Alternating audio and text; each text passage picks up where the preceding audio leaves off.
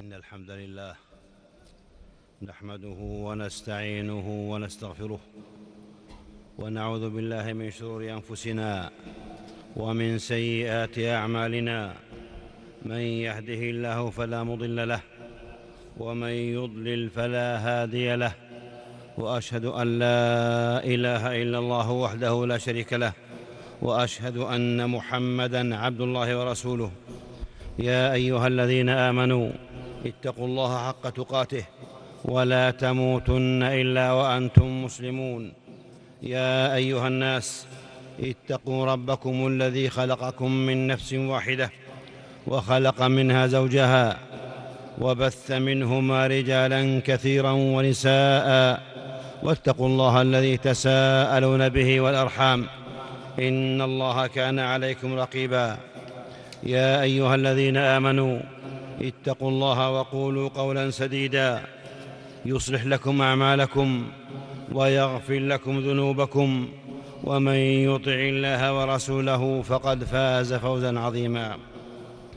أما بعد فإن أحسن الحديث كتاب الله وخير الهدي هدي محمد صلى الله عليه وسلم وشر الأمور محدثاتها وكل محدثة بدعة وكل بدعة ضلالة معاشر المسلمين. لقد كرم الله الإنسان وفضله على كثير ممن خلق خلقه فأحسن خلقه وكرمه بالاستعدادات التي أودعها فطرته. هيئة وفطرة تجمع بين الطين والنفس التسخير ما يقوم به في وظيفة الاستخلاف والتعمير. وسخر لكم ما في السماوات وما في الأرض جميعا منه. إن في ذلك لآيات لقوم يتفكرون. وإن من أهم مهمات الاستخلاف والتعمير إصلاح التفكير واستقامته وضبط مساره في كل جوانب الحياة وميادينها. ومنزلة الإنسان ومنزلة الإنسان وقوة تفكيره تظهر بقدر إعماله فكره وحسن تصرفه في عقله ومدى تحقيقه لما ينفعه في دنياه وآخرته. العقل, حفظ العقل حفظكم الله. هو أس الفضائل وينبوع الآداب. هو للدين أصل وللدنيا عماد. وليس أفضل من أن يهب الله عبده عقلا راجحا وتفكيرا مستقيما. العقل قوة وغريزة اختص الله بها الإنسان وفضله بها على سائر مخلوقاته. العقل قوة مدركة تقوم بوظائف كبرى من ربط الأسباب بمسبباتها وإدراك الغائب من الشاهد والكليات من الجزئيات والبدهيات من النظريات والمصالح من المفاسد والمنافع من المضار والمستحسن من المستقبح وإدراك المقاصد وحسن العواقب. العقل نور من الله يميز به الحق والباطل والخطأ والصواب في الأقوال والأفعال والاعتقادات والعلوم والمعارف. ومن اللطيف ومن اللطيف معاشر الإخوة أن لفظ العقل لم يرد في القرآن.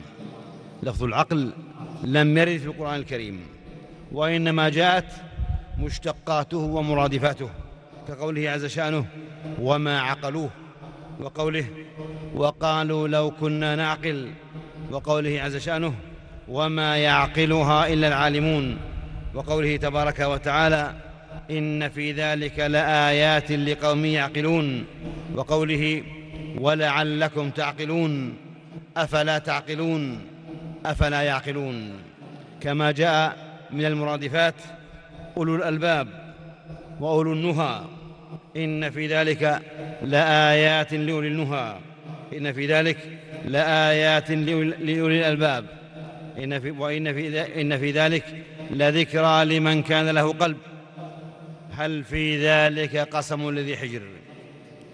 ومما يلفت النظر ومما يلفت النظر عباد الله أن القرآن الكريم ربط ربطا واضحا بين الأذن وحاسة السمع والعين وحاسة البصر والرجل وقدرة المشي واليد وقوة البطش.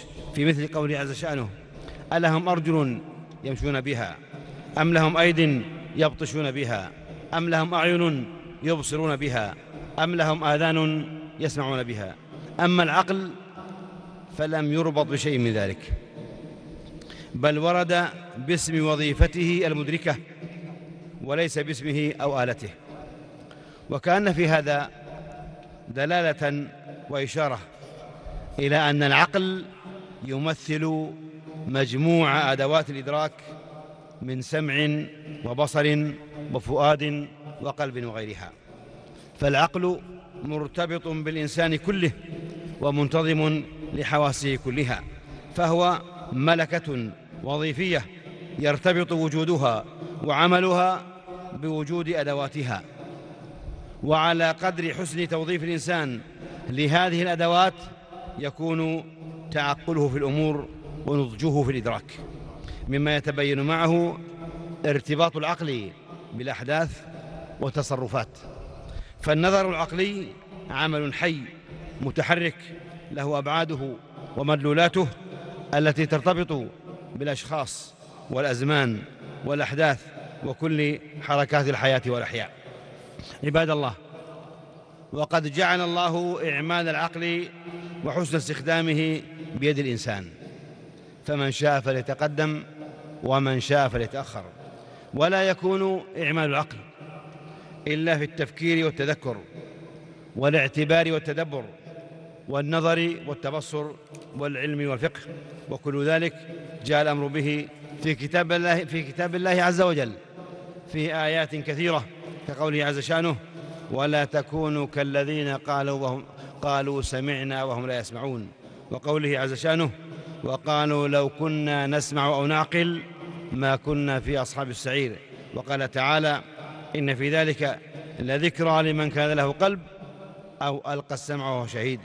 أيها المسلمون وإذا كان ذلك كذلك فإن العقل في الإسلام هو مناط التكليف ومحل الفهم وبه استنباط الأحكام الشرعية وبيان وبيان مراد الشارع وبه حسن التصرف في أمور الدين والدنيا.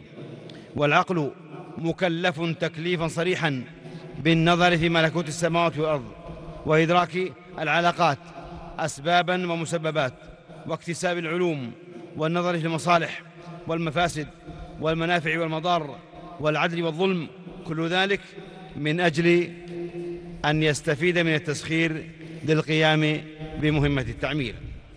والقرآن الكريم والقرآن الكريم والسنة المطهرة مليئان بالدلائل البرهانية والأقيسة, والأقيسة العقلية وضرب الأمثال وحسن الجدال كل ذلك حتى يتحرر العقل من تلبيسات الخرافة وأساطير الأولين وتخرصات الكهنة والمنجمين والسحرة والمشعوذين والطيرة والمتشائمين والتقليد الأعمى لما عليه الآباء والأسلاف لينطلق إلى آفاق رحبة واسعة من العقيدة الصافية والعمل الصالح والعطاء المنتج.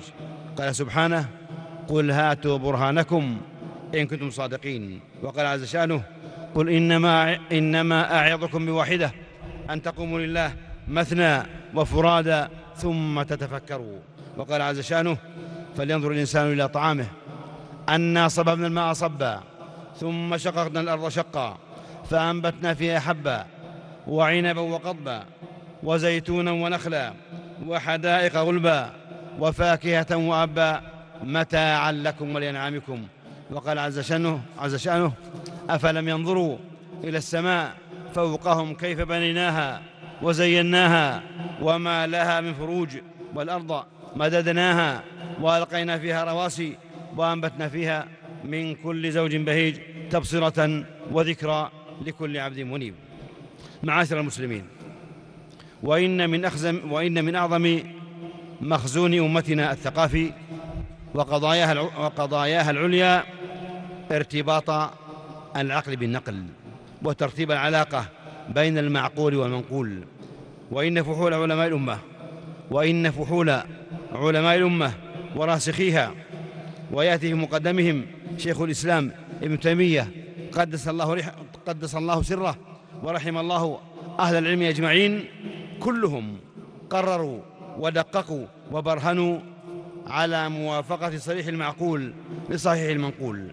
فلا تعارض بين عقل صريح ونقل صحيح.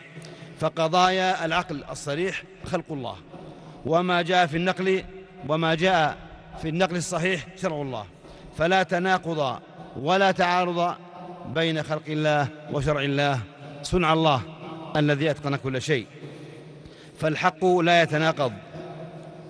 بل إن الأمر بل إن الأمر كلما كان أفسد في الشرع كان أفسد في العقل. كلما كان أفسد في الشرع كان أفسد في العقل. فتتطابق الدلائل القرآنية مع البراهين العقلية. ويتصادق موجب الشرع والمنقول مع النظر والمعقول.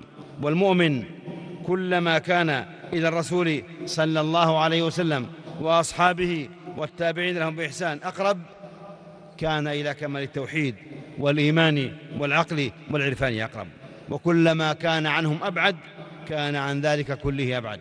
أيها المسلمون والعالم المعاصر بعلومه وفنونه ومكتشفاته ومخترعاته ما أصاب من خير ومنافع فمن إعمال العقل وما أصاب من سوء ومفاسد فمن حرية العبث والهوى والبعد عما جاء به المرسلون من الحق والهدى. ولا يجوز الخلط بين الأمرين. وبنو آدم بالعلم والعقل يرتقون إلى مصاف الملائكة الأطهار كما قال عز شأنه شهد الله أنه لا إله إلا هو والملائكة وأولو العلم قائما بالقسط لا إله إلا هو العزيز الحكيم. وبالشهوات والضلالات يكونون أضل من الأنعام كما في قوله عز شأنه أرأيت من اتخذ إلهه هواه؟ أفأنت تكون عليه وكيلا؟ أم تحسب أن أكثرهم يسمعون أو يعقلون؟ إنهم إلا كالأنعام بل هم أضل سبيلا. وقال عز شأنه فأعرض عمن تولى عن ذكرنا ولم يرد إلا الحياة الدنيا. ذلك مبلغه من العلم. إن ربك هو أعلم بمن ضل عن سبيله وهو أعلم بمن اهتدى. ويقول جل وعلا فلما جاءتهم رسلهم بالبينات فرحوا بما عندهم من العلم وحق بهم ما كانوا به يستهزئون. وبعد عباد الله فإن الإنسان مسؤول عن حفظه عقله والله سائله عما استرعاه. في نظره وفكره وحسن استخدامه لذلك كله. شأنه في ذلك شأن كل النعم من عمر وصحة ومال وبنين وحفظ حواس وسلامة أجهزة. قال تعالى إن السمع والبصر والفؤاد كل أولئك كان عنه مسؤولا. ومن أجل هذا فإن ذا العقل السليم والمنهج المستقيم يربأ بنفسه عن الدنايا وينهى عن المحقرات ولا يميل مع الهوى ولا يخضع للعادات وما عليه الآباء والأسلاف ويتجنب العناد والمكابرة والمراء. أعوذ بالله من الشيطان الرجيم. قل انظروا ماذا في السماوات والأرض قل انظروا ماذا في السماوات والأرض وما تغني الآيات والنذر عن قوم لا يؤمنون. نفعني الله وإياكم بالقرآن العظيم وبهدي محمد صلى الله عليه وسلم. وأقول قولي هذا وأستغفر الله لي ولكم. ولسائر المسلمين من كل ذنب وخطيئة فاستغفروه إنه هو الغفور الرحيم.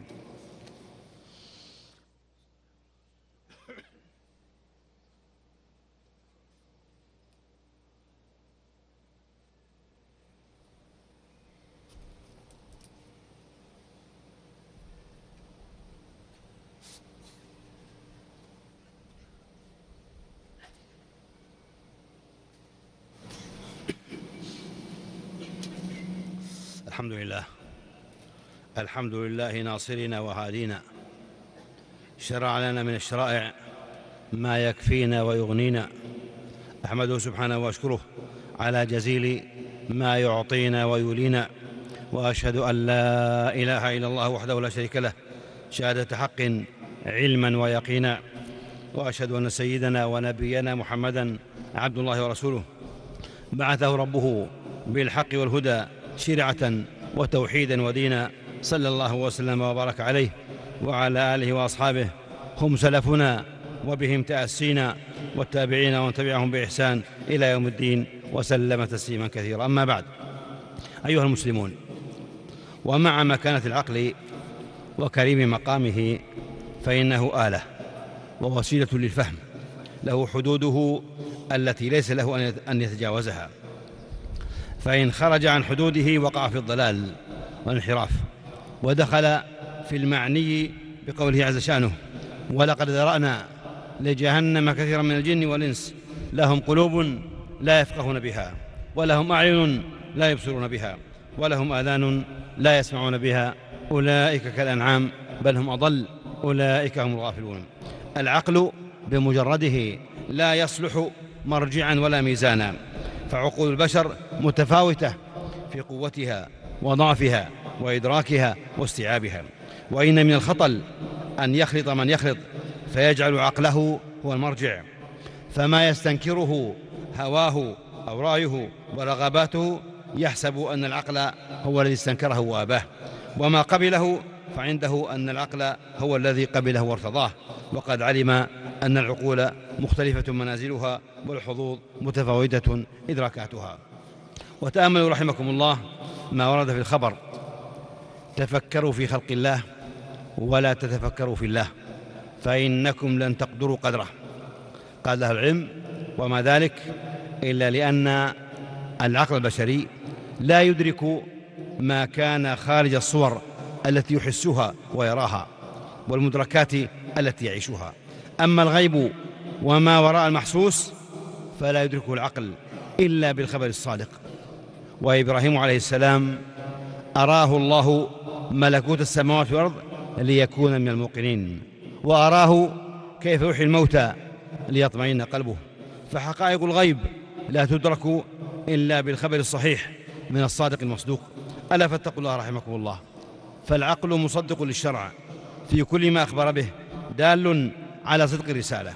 والعقل شرط في معرفة العلوم وصلاح الأعمال وبه يكمل العلم والعمل ولكنه ليس مستقلا بنفسه بل هو متصل بنور الكتاب والسنة. ولكن جعلناه نورا نهدي به من نشاء من عبادنا. وإذا انفرد العقل وإذا انفرد العقل بنفسه لم يبصر وإذا استقل بذاته عجز عن الإدراك الصحيح. هذا وصلوا وسلموا على رحمة المهداة والنعمة المسداة نبيكم محمد رسول الله. فقد أمركم بذلك ربكم فقال في محكم تنزيله وهو الصادق في قيله إن الله وملائكته يصلون على النبي.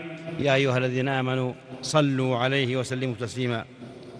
اللهم صل وسلم وبارك على عبدك ورسولك نبينا محمد الحبيب المصطفى والنبي المجتبى وعلى آله الطيبين الطاهرين وعلى أزواجه أمهات المؤمنين. وارض اللهم عن الخلفاء الأربعة الراشدين أبي بكر وعمر وعثمان وعلي وعن الصحابة أجمعين والتابعين ومن تبعهم بإحسان إلى يوم الدين.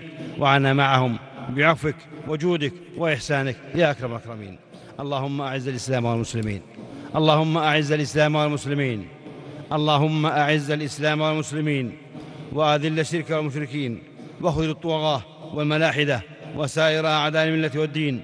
اللهم آمنا في أوطاننا وأصلح أئمتنا ولاة أمورنا واجعل اللهم ولايتنا في من خافك واتقاك واتبع رضاك يا رب العالمين. اللهم وفق إمامنا وولي أمرنا بتوفيقك. اللهم وفق إمامنا وولي أمرنا بتوفيقك. وأعزه بطاعتك وأعلي به كلمتك. واجعله نصرة للإسلام والمسلمين. ووفقه ونائبيه وإخوانه وأعوانه لما تحب وترضى وخذ بنواصيهم للبر والتقوى. اللهم وفق. ولاة أمور, ولاة أمور المسلمين للعمل بكتابك وبسنة نبيك محمد صلى الله عليه وسلم. واجعلهم رحمة لعبادك المؤمنين. واجمع كلمتهم على الحق والهدى يا رب العالمين. اللهم واصلح أحوال المسلمين. اللهم أصلح أحوال المسلمين في كل مكان. اللهم احقن دماءهم واجمع على الحق والهدى والسنة كلمتهم وول عليهم خيارهم واكفهم أشرارهم وابسط الأمن والعدل والرخاء في ديارهم وأعذهم من الشرور والفتن ما ظهر منها وما بطن. اللهم من أرادنا وأراد ديننا وديارنا وأمتنا وأمننا وولاة أمرنا وعلماءنا وأهل الفضل والصلاح والحساب منا ورجال أمرنا وقواتنا ووحدتنا واجتماع كلمتنا بسوء اللهم فأشغله بنفسه. اللهم فأشغله بنفسه. واجعل كيده في نحره. واجعل تدبيره تدميرا عليه يا رب العالمين. اللهم اللهم انصر جنودنا. اللهم انصر جنودنا المرابطين على الحدود. اللهم انصر جنودنا المرابطين على الحدود. اللهم سدد رأيهم وصوب رمي رميهم. واشدد أزرهم. وقو عزائمهم وثبت أقدامهم واربط على قلوبهم وانصرهم على من بغى عليهم. اللهم أيدهم بتأييدك وانصرهم بنصرك. اللهم احفظهم من بين أيديهم ومن خلفهم وعن أيمانهم وعن شمائلهم ومن فوقهم. ونعوذ بك, ونعوذ بك اللهم أن يغتالوا من تحتهم. اللهم ارحم شهداءهم واشف جرحاهم واحفظهم في أهلهم وذراريهم إنك سميع مجيب.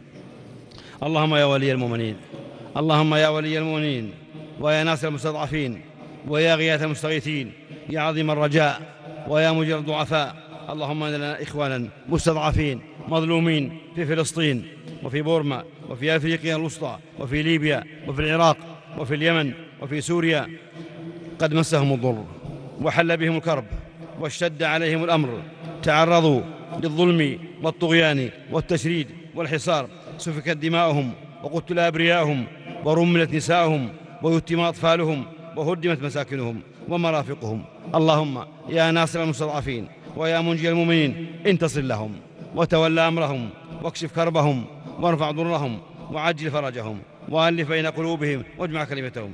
اللهم مدهم بمددك وأيدهم بجندك وانصرهم بنصرك. اللهم إنا نسألك لهم نصرا مؤزرا وفرجا ورحمة وثباتا. وسد رأيهم وصوب رميهم وقوي عزائمهم. اللهم عليك بالطغاة.